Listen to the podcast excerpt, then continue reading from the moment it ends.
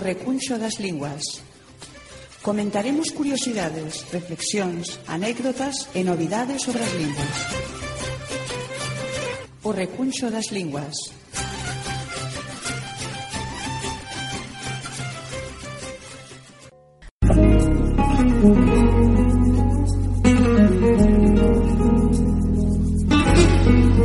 Bos días. No recuncho das linguas máis novidades sobre a lingua caló. Sabías que en la península ibérica están documentados cuatro variedades de habla gitana? Una, el calo español o hispano-romaní, combinación de vocabulario romaní con morfología y sintaxis del castellano. Dos, el caló catalá o catalano-romaní, combinación de vocabulario romaní con morfología y sintaxis catalana. 3. El rumanchela o el vasco-romaní, combinación de vocabulario romaní con morfología y sintaxis vasca. Y 4. El catalán hablado en Portugal.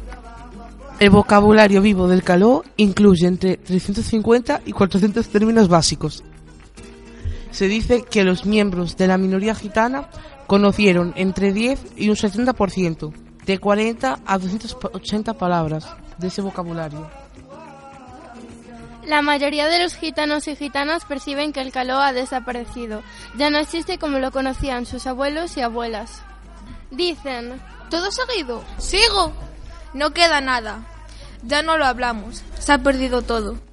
Son expresiones que se repiten de forma similar en casi todas las entrevistas, pero el abandono u olvido del caló les parece a algunos un elemento más del cambio social, de la transformación que sufren gitanos y gitanas en tantos ámbitos de su vida. Para algunos la integración y participación en la sociedad se vive como la necesaria desaparición de ciertas tradiciones, entre las que el hablar gitano forma parte. La gran mayoría verían bien el desarrollo de programas de recuperación del caló, o al menos su inclusión en los programas de enseñanza obligatoria, algo que podría formar parte de los futuros diseños curriculares. Hasta, la próxima, semana. Marta, Rebeca, Carlos y María.